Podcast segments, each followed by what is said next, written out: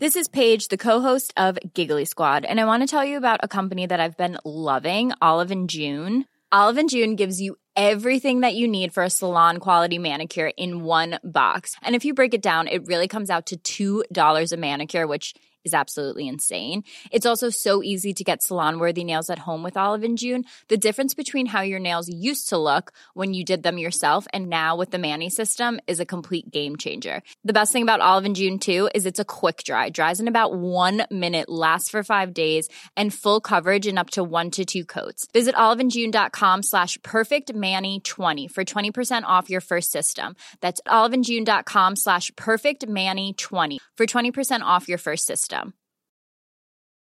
Want flexibility? Take yoga. Want flexibility with your health insurance? Check out United Healthcare Insurance Plans. Underwritten by Golden Rule Insurance Company, they offer flexible, budget friendly medical, dental, and vision coverage that may be right for you. More at uh1.com. Wow! Nice! Yeah! What you're hearing are the sounds of people everywhere putting on Bombas socks, underwear, and t shirts made from absurdly soft materials that feel like plush clouds.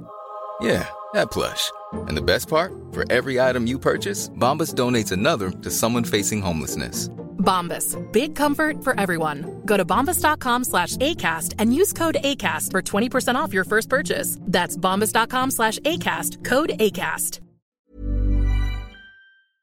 Att sköta sin egen privatekonomi är en sak, men ofta i livet hanterar vi pengar tillsammans med någon eller åt någon annan, till exempel när vi blir sambos, gifter oss eller skaffar barn. Hur gör man det på bästa möjliga sätt? Det ska vi prata om idag.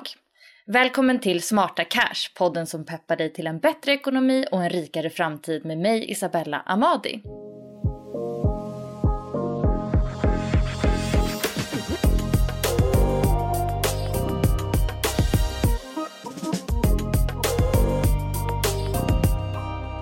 Idag har jag med mig en gäst som har koll på typ allt inom privatekonomi. Hon har en bakgrund som familjeekonom på Ikano Bank och jobbar numera som sparekonom på mediekoncernen Schibsted. Du har säkert sett henne eftersom hon titt som tätt ger kloka råd i media. Sharon Lavi, välkommen! Tack ska du ha! Tack Isabella! Vad roligt att få vara här. Jättekul att ha dig här. Eh, kan inte du berätta lite mer om eh, din expertis och vad du gör på Schibsted?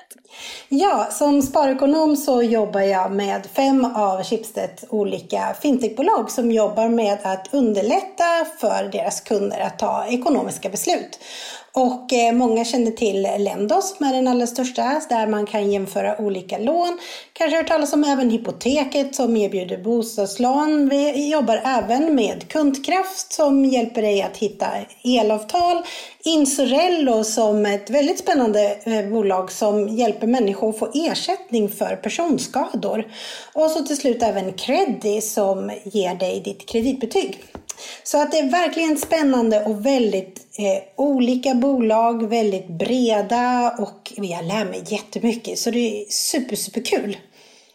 Det låter ju jättespännande faktiskt och som att det kan vara till mycket hjälp för privatpersoner. Hur skulle du säga att eh, hushållen har klarat sig under coronakrisen? Ja, det är lite tudelat. För Ehm, de som har kvar sitt arbete i många fall har ju fått lägre utgifter. Vi är inte, inte ute och äter lika mycket. Vi eh, kanske kan jobba hemifrån och slipper pendlingskostnader. Eh, ja, det är många kostnader som vi inte har längre och det kan ge faktiskt en hel del mer pengar kvar på lönekontot än man är normalt van vid. Medan de som har blivit av med jobbet och även småföretagare har blivit drabbade ganska hårt av coronan och behöver vända på varje krona. Så det, det har verkligen slagit olika. Mm. Okej, men idag ska vi prata lite mer om eh, olika familjer och hur man sköter sin privatekonomi. Så, och familjekonstellationer kan ju se ja, ut precis hur som helst och olika hit och dit. Men att prata pengar måste ju alla göra. Man vill ju ändå hitta något så bra och rättvist upplägg som gynnar liksom både en själv och familjen som enhet. Eh, så jag tänkte höra med dig om man blir sambos eller är sambos. Hur löser man sin hushållsekonomi på ett bra sätt då? Ja, men jag tänker så här att det beror på lite i vilken man vilken fas man är i sin relation. Har man precis flyttat ihop med sin pojkvän eller flickvän så kanske det till en början eh, klokt att hålla det liksom eh, utgifter lite till 50-50, att man delar upp det mer rättvist. Eh, man kanske inte är van vid att ha en person till som har insyn i ekonomin utan man kanske till en början ja, delar på hyran, man delar på värmekostnaderna, elen, maten och sådana saker. Det är det enklaste sättet att eh, fördela en ekonomi och det funkar ju även om man bara är kompisar. Eh, Medan ju längre tid man eh, har varit tillsammans eller om man har gemensamma framtida mål, till exempel man vill spara till en resa ihop eller göra mer aktiviteter tillsammans, desto mer kan man börja pröva komma in på det här som jag kallar för procentuellt fördelning. Och den är ju mer rättvis om man tjänar väldigt olika. Eh, om en person tjänar jättemycket och den andra kanske är student så är det ju väl, blir väldigt tufft för studenten medan den som tjänar mycket pengar eh, kommer ja, mycket lindrigare undan eller vad man ska säga. Om, om inte annat så har de ju mycket mer pengar kvar i slutet av varje månad. Och, eh, det kan ju bli påfrestande för förhållandet eftersom den ena kanske knappt får ihop sin månad medan den andra har råd att både spara och göra utsvävningar och köpa saker. Eller kanske bli lite mer till och med eh, kan man säga, styrande för vad man ska hitta på och vad man kan köpa till hemmet eller vad man kan resa någonstans så småningom när vi kan resa och så. Just det, den får lite mer makt på något sätt. Ja, det blir ju lite det även om det blir outtalat för att det är den som sitter liksom på pengarna. Så det är ett sätt. Och sen eh, har man varit tillsammans länge, man kanske är gift eller varit sambo länge, man kanske har gemensamma barn och så. Då kan man ju gå mer åt det här gemensamma ekonomin och där kräver det ju att man är sammansvetsad så att man har gemensamma mål, man är överens om sitt sparande och vad man ska lägga undan pengar på. Man behöver absolut inte vara överens om eh, det här, liksom, vi ska ha samma fritidsintressen eller sånt. Absolut inte så. Men att man har ungefär lika mycket rörelse med att man är överens om vad man, att man har råd att göra det man vill göra tillsammans och att man har möjlighet att eh, även kunna ha sin, i sitt eget liv. För bara för att man bor tillsammans med någon så betyder det inte att man är livegen utan man ska ju fortfarande kunna ha möjlighet att ha sina intressen och så. Men hur gör man rent praktiskt då om man då bestämmer sig för att ha en hyfsat delad ekonomi? Är det liksom man tar bådas inkomster, lägger dem i en klump och sen så utifrån den liksom fördelar upp det till ja, men hyra, lekpengar, sparande eller hur ska man, hur ska man liksom tänka? Ja, men nu sa du delad ekonomi eller menar du gemensam? Eh, jag menar inte gemensam. Ja. jag bara, fördelad, ja då behöver man inte tänka på så. Nej men precis, nej men gemensamt, då tänker jag så här att eh, man kanske har, även om man har två olika lönekonton så kanske man har ett konto som är gemensamt där man har en överföring av en summa varje månad. Där kanske både lönen, men jag säger en del av, säg 80 procent av lönen går in där till exempel. Att utifrån ifrån det gemensamma kontot betalas alla räkningar men därifrån dras även automatiska överföringen till olika sparanden som man har kommit överens om tillsammans. Och när det gäller sparande då, eh, hur mycket ska man spara alltså för sin egen del och hur mycket ska man spara gemensamt? Mm. Och det, det är liksom lite som att fråga hur långt är ett snör? så, för att, för det, det, beror, det beror ju på. Eh, så här tänker jag. Ett så tycker jag att det är jätteviktigt att se till att båda två har ett sparande. Men jätteviktigt även se till för vilka förutsättningar den andra partnern har. Säg att den eh, ena är hemma till exempel med barn och inte har eh, kanske förlorar mycket av sin inkomst. Man vet att pensionen på sikt kommer bli sämre för att den ena tar mer ansvar. Ja, men då är det viktigare kanske att säkra upp ett sparande för den personen. Då kanske de, den personen kan få flera tusen lappar eller flera hundra lappar mer i sparande per år än den andra. Det blir ju inte rättvist här och nu men det blir rättvist i det långa loppet och även se till att det här är enskilt sparande. Men Eh, jag tänker så här att utifrån, jag, jag tänker om man börjar i den ändan att man funderar på vad vill man kunna ha, göra tillsammans. Att man börjar i den änden. Man ser först och främst, ja men vi har ett gemensamt hushåll, vi behöver en, en buffert. Att man börjar i den ändan. Se till att man säkrar upp en gemensam buffert ifall någonting går, går sönder i hemmet eller någonting sånt. Det är det första. Och sen så kanske man börjar spara till andra saker som man har Eh, vill investera i. Man kanske vill ha en bil eller man kanske vill ha en semesterresa eller någonting sånt. Så lägger man undan pengar till det också. Samtidigt så måste man ju liksom tänka på sitt enskilda sparande och då får man helt enkelt komma överens om en summa.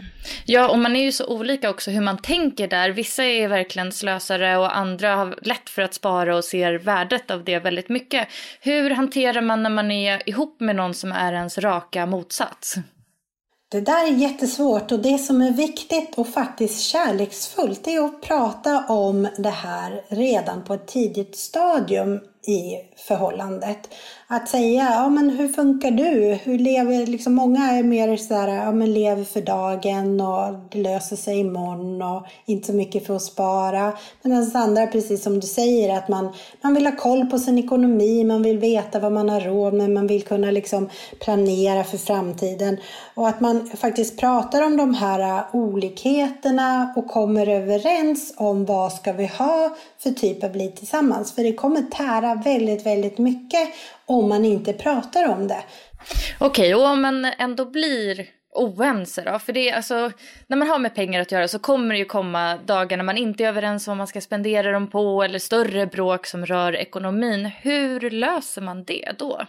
Jag tänkte så här, man får helt enkelt göra en, en lista utifrån sig själv. Att var och en sätter sig ner med penna och papper och skriver ner vad är det som är viktigt för mig som är kopplat till ekonomin. Och egentligen kan ekonomin är ju en möjliggörare. Pengarna är ju liksom inte syftet i sig i många fall, utan man behöver ju pengar för att kunna uppfylla det man, sättet man vill leva eller det man vill göra och så.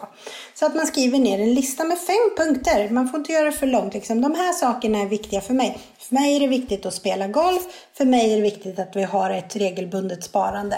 För mig är det viktigt att vi kan göra någonting gemensamt varje sommar och för mig är det viktigt att eh, jag blir kompenserad för att jag är hemma med barn. Till exempel. Så får man liksom sitta och diskutera det. För jag tror att med, när man har gjort det konkretiserat så blir det ju inte personangrepp längre. Du är alltid slösig, du är så himla snål. Utan det blir mer ett, ett prat om målen i sig. För det är ju inte igen pengarna som är eh, oftast grejen utan det är det vi vill göra med pengarna som vi egentligen är överens, o, ja, inte överens om och, och som kan orsaka liksom det här gnisslet. Då. Alltså många relationer spricker ju idag. Eh, men hur, kan man, hur gör man för att bädda bra inför en eventuell framtida separation? Är man långt ifrån separationen, alltså att man har, fortfarande lever i ett bra, och lycklig liksom, relation än så länge, så är det ju jättebra om man kan sätta sig ner och eh, fundera på scenariot. Alltså om någonting skulle hända i framtiden, eftersom jag älskar dig och du älskar mig och vi vill båda ska ha det bra. Hur skulle våra ekonomier se ut om vi skulle separera? Och att man pratar redan idag att ja men eh, då är det kanske viktigt att du har det här eh, sparandet så att du klarar dig ifall vi separerar om den ena tjänar mycket mindre eller för din pension eller så. Alltså prata om separation även om man mår bra är nästan, det är en kärlekshandling skulle jag vilja säga 1.0. Men om man är lite närmare den här separationen, eh, att man har känt att ah, det här funkar inte och det, det, liksom, det, det brakar lite, att det, vi kommer separera. Så vill jag, mitt första tips är att man inte ska ha för bråttom. Om det inte förekommer våld i relationen såklart. Men ha inte för bråttom. Försök att undvika dubbla kostnader i form av eh, olika boenden samtidigt. Eh, att man ehm, Dra på sig för mycket kostnader på en gång. Att man helt plötsligt ska ersätta saker som man har lämnat kvar med nya grejer. För det blir mycket kostnader i samband med en, en separation. Det blir kostnader för helt plötsligt att stå för saker som förut man har delat på som hyra, el, försäkringar, sådana saker. Men även själva ersätta saker som, ja, du kanske behöver en ny säng och barnen kanske behöver extra uppsättningar av möbler eller kläder eller vad det nu må vara. Själva flytten kostar pengar. Allt sånt där, det är jättedyrt faktiskt att separera. Så mitt råd är att försök att ta det lugnt. Försök att undvika dubbla kostnader. Eh, gör en budget för din ekonomi. En annan riktigt stor game changer för många är ju när man får barn. Mm. Hur mm. dyra är barn egentligen? Ja, barn är dyra. Ja, det är lite roligt. Jag, brukar, jag har ju två egna så jag brukar skoja lite med barnen och säga Vet ni hur dyra ni är? Tänk vad mamma och pappa skulle kunna göra. Resa runt och göra saker. De bara va? Vi skojar ju såklart. Det finns ju inget värde på barn och vi är ju liksom alla är ju superglada. Men det kostar pengar. Alltså helt ärligt, det kostar pengar. Och ett barn från det att du föds tills det är 18 år går runt ja, en och en halv miljon skulle jag säga eh, runt, eh, mer eller mindre. Och det är ju olika kostnader i olika faser av barnets liv också. När de är små är det mycket liksom hygienartiklar, blöjor och det är förskoleavgifter och det är eh, utrustning och barnvagnar och babyskydd och allt vad det nu kan vara för någonting. Och ju äldre barnet blir desto mer blir det så här, ja, men fritidsaktiviteter och man ska betala för fritids och det är mat som man konsumerar såklart mer och det är kläder och sådana saker. Så att det, det, är, det är kostsamt men eh, det är eh, en kostnad som, som vi föräldrar gärna tar, har jag förstått eftersom vi fortsätter att skaffa ja, barn. Ja, alltså det gör man ju verkligen och man vill ju också ge dem allt men man vill också göra, liksom, ge dem en eh, sund inställning till pengar så att de alltså förmodligen själva kan hantera det på ett bra sätt i framtiden. Och man vill också kanske spara lite till pengarna. Eh, har du några tips på hur man lägger upp ett bra barnsparande? Ja, jag tänker så här att eh, det beror ju på lite först och främst vad, vad pengarna ska användas till. För många tänker barnsparande och kanske tänker att sparandet ska vara när barnet blir vuxet kanske och det är då de ska få pengarna. Men ett barnspar kan ju lika gärna vara för stora kostnader som uppkommer under barnets levnadsår. Alltså, det kan vara en dator, det kan vara en moppe, det kan vara en cykel, det, alltså det kan vara sådana saker också. Så lite beroende på vad syftet är. Man kan ha ju både och, alltså ett kortsiktigt sparande och ett långsiktigt sparande. Men det jag skulle vilja säga allra viktigast, och det hör jag speciellt från föräldrar som Eh, föräldrar till barn som bor i storstäder att det är väldigt mycket stress kring det här med barnspar för att man känner sig liksom att sparar inte jag till barnen så kommer mitt barn aldrig kunna flytta hemifrån. Och att det är liksom den pressen som finns. Och, och jag vill faktiskt skicka med en, en liten sån här, jag vet inte, förlösa den här tanken lite. Det, det kommer ordna sig. Man ska inte som förälder sätta sig själv i skuld och man ska inte ta ekonomiskt dåliga beslut för sig själv och familjen bara för att man ska lägga undan hela barnbidraget eller ännu mer pengar för att barnet ska kunna flytta hemifrån en dag. Det löser sig. Vi, har all, vi alla som har vuxit upp från ja, 60-talet och, och, framåt, vi har ju löst det på ett eller annat sätt och det kommer lösa sig på ett eller annat sätt.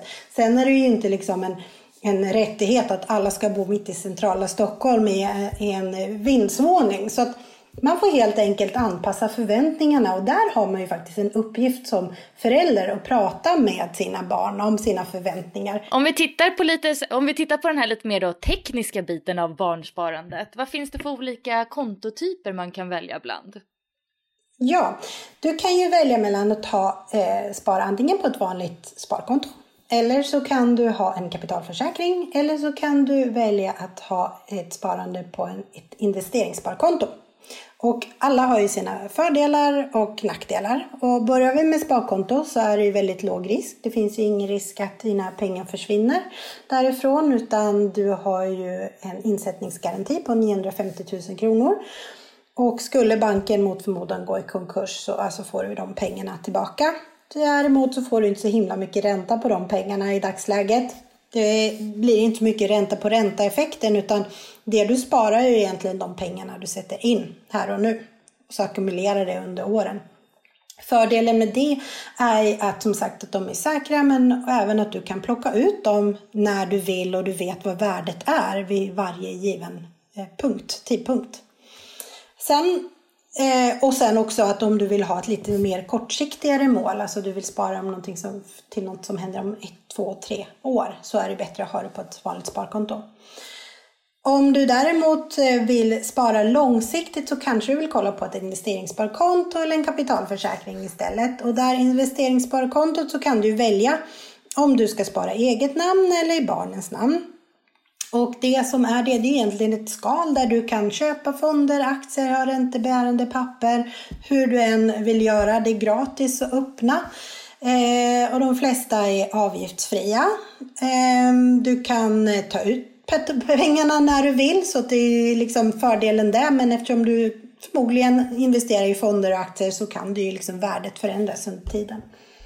Och hur ska man göra där? Ska man spara i sitt eget namn eller i barnets namn? Eller kan man göra båda? Ja, du kan ha två konton. Ett, ett eget namn och ett i barnets namn. Men det du ska tänka på är att, att öppnar du ett konto i barnets namn så har du som förmyndare möjlighet att gå in och styra kontot fram till barnet är 18 år. Men sen när barnet fyller 18 år, då är alla pengar hens, hans eller hennes. Så då får de tillgång till alla pengarna. Du kan inte styra när eh, eller om det ska ta ut det efter 18 års ålder, om det ska ta ut det i en klumpsumma eller om det ska ta ut det lite i taget. Finns, du har inga styrmöjligheter överhuvudtaget. Så det är en nackdel att ha det i barnens namn, för det är inte alltid man vill att barnen ska komma åt pengarna när de är 18. Mm. Hur eh, funkar kapitalförsäkring? Ja, en kapitalförsäkring är ju faktiskt en försäkring. Man tänker ju inte på det, men där har du eh, förmånstagare. Så det är du som äger kontot och så kan du ha barnet som ditt förmånstagare. Vilket betyder att du själv kan bestämma en tidpunkt för när, den här, när pengarna ska falla ut så att säga.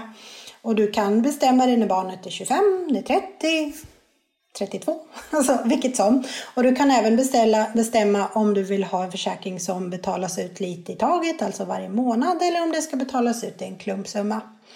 Och här är det också så att skulle du gå bort under tiden som du har den här kapitalförsäkringen så tillfaller det även till förmånstagaren, alltså till ditt barn i det här exemplet då, och ingår inte i dödsboet. Och det är ju väldigt viktigt att komma ihåg att det här blir liksom en separat eh, del som inte fördelas till exempel till mm, om du har en make eller maka så har ju de om man har liksom en, en man eller en fru och man har gemensamma barn så är det i första hand mannen eller frun som ärver pengarna tills den andra går bort och då ärver ju barnen.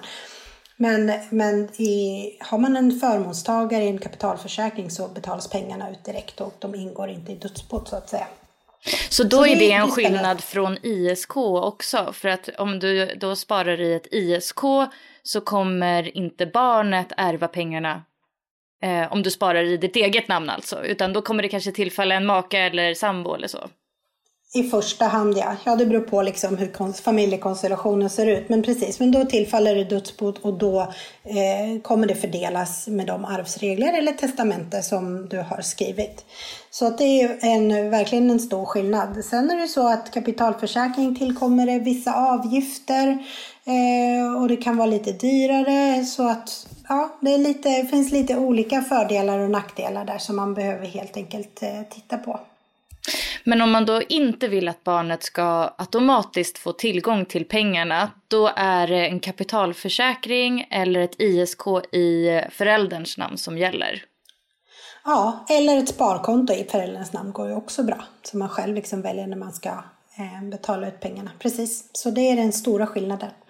Sen är det ju så att, att skulle det vara så att man, eh, ja, någonting händer under resans gång och att man som förälder behöver få tillgång till pengarna så spelar det ju också lite roll om du sparar i eget namn eller om du sparar i barnens namn.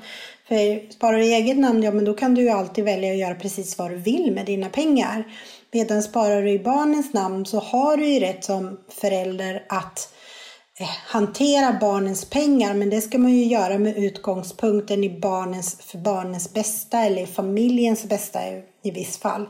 Men är det så att värdet på pengarna överstiger åtta prisbasbelopp, då får du faktiskt inte röra dem. Då måste man begära tillstånd av en överförmyndare för att komma åt de här pengarna. Så det är också en stor skillnad. Vad är åtta prisbasbelopp? Ja, vi hamnar vi någonstans på runt 380 000 kronor. Okej, okay. så det betyder alltså att, säg att jag har sparat till mitt barn i barnets namn. Eh, sen så när barnet är typ 17, ska snart fylla 18, så bedömer jag att den är en riktig slarver. Jag vill ta tillbaka de här pengarna. Då kanske jag får lite svårt att ändra mig och Ja, precis. Ja, speciellt beroende på hur mycket pengar det är som sagt. Så, så att det, det kan bli en eh, knixigt i så fall att, att ångra sig där och säga att nej, men där, jag vill att du väntar lite till. Utan då är det bättre som sagt att pengarna är på eget namn. Mm. Hur mycket ska man spara då? Ja, här går vi tillbaka igen till det här att man ska utgå ifrån familjens ekonomi. Eh, jag tänker så här, istället för att fokusera på hur mycket man ska spara i kronor eller procent så, tänk, så vill jag ge ett tips. Att ju, ju längre tid du har på dig att spara desto lägre belopp behöver du faktiskt lägga undan. För pengarna hinner växa med ränta på ränta-effekten. Så då kan även en hundralapp bli väldigt mycket pengar efter 18 år till exempel.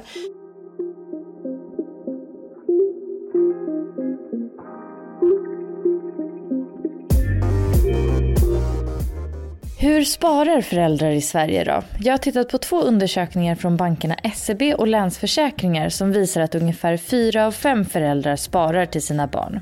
Den genomsnittliga summan per månad är cirka 600 kronor och 50-60% av de tillfrågade har pengarna på ett vanligt sparkonto. Och vad sparar föräldrar till då? Det är ofta för bostad eller körkort eller en bra start i livet helt enkelt.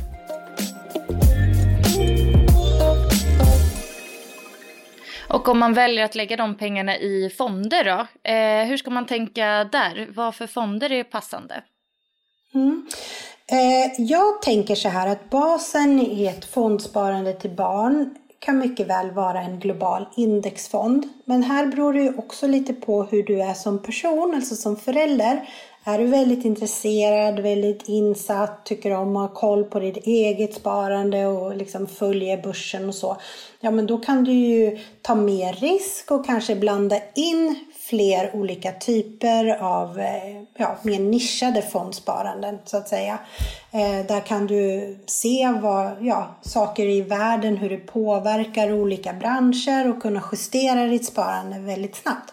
Medan så är du mer ovan eller inte har lust att titta till sparandet lika ofta så tycker jag att det kan räcka bra med en global indexfond som exponerar mot hela världen, olika branscher, där du kan få ner kostnaden för, eller avgiften för sparandet till 0,4 procent brukar man säga riktmärket där. Hur delaktiga ska barnen vara i familjens ekonomi? Jag tycker inte alls att det är dumt att involvera dem, förklara liksom basics och förklara liksom hur vart vårt, vår familjs angreppssätt är. Och då behöver det faktiskt inte ha hänt någonting. Utan man kan eliminera tjatet, tänker jag. Om det är någon som alltid går och pratar om mamma, jag vill ha det, jag vill ha det, jag vill ha det. Eller alla andra går med den här jackan. Eller de här. Ja, men så här ser vår ekonomi ut. Vi har ingen kanske dålig ekonomi, vi kanske har en helt normal ekonomi. Men vi har prioriterat att lägga våra pengar på att, eh, inte vet jag, vi kanske vill ha ny uteplats i sommar eller den här sommaren. Eller vi prioriterar våra pengar på att vi ska kunna resa eller vad det nu än må vara. Liksom bara förklara det här är vår prio. Och skulle det vara så att man har en familj där pengarna verkligen, ja men vi har inga pengar att lägga på utsvävningar överhuvudtaget. Då är det viktigt att även säga det, att så här ser ekonomin ut i vår familj och vi försöker se, se till att det går ihop så att ni inte behöver oroa er, att det ska finnas det nödvändigaste. Men vi har inte råd just nu för att göra det ena eller andra som barnen pratar om. Jag tänkte eh, avsluta med att fråga dig eh, om du har några tips på hur man gör pengar lite roligare hemma? Ja, det har jag faktiskt. Alltså, jag tänker så här att göra att spara pengar blir ju bara blir roligt om man har ett konkret mål före sparandet. Och vill man involvera hela familjen, alltså barn och make och ma maka och allt vad det är för någonting, så tycker jag att det är väldigt viktigt att visualisera. Att man pratar om sitt mål, att man ser fram emot det. Och det finns ju olika tricks. Man kan ha tävlingar hemma, till exempel eh, man kanske gör en loppis och drar fram saker som man inte använder. Vem fick in mest av, från loppisen? Eller att man gör en mätsticka där man kan varje vecka visa hur mycket har vi sparat den här veckan och hur långt kvar är det till målet. Eller att man Ehm, gör en, eh, en tävling om hur lite mat man slänger och bara på det sättet kanske kan spara eh, mer pengar genom att till exempel att vä väga sina avfall. Den idén fick jag fick faktiskt från barnens skola där de väger matavfallet innan barnen får slänga det som de har skrapat av tallriken. Bara för att liksom visa på hur mycket, pe liksom mycket pengar som faktiskt går eh, till spillo av att vi bara slänger matvaror som vi har i vår egen kyl. Så små sådana här eh, tävlingar, saker som blir visuella, gärna bilder, prata gärna mycket om målet oavsett vad det är. Oavsett om det är en pryl, en resa eller ja, vad det nu må vara. Mm. Stort tack för att du ville vara med i den här podden Sharon.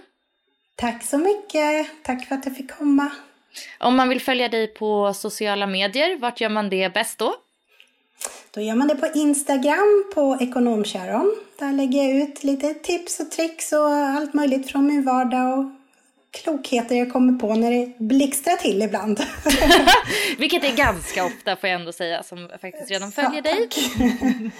och den här podden finns ju också på Instagram som Smarta Cash Podcast och jag finns på Twitter Isabella Amadi. Tack för att du har lyssnat. Hej då!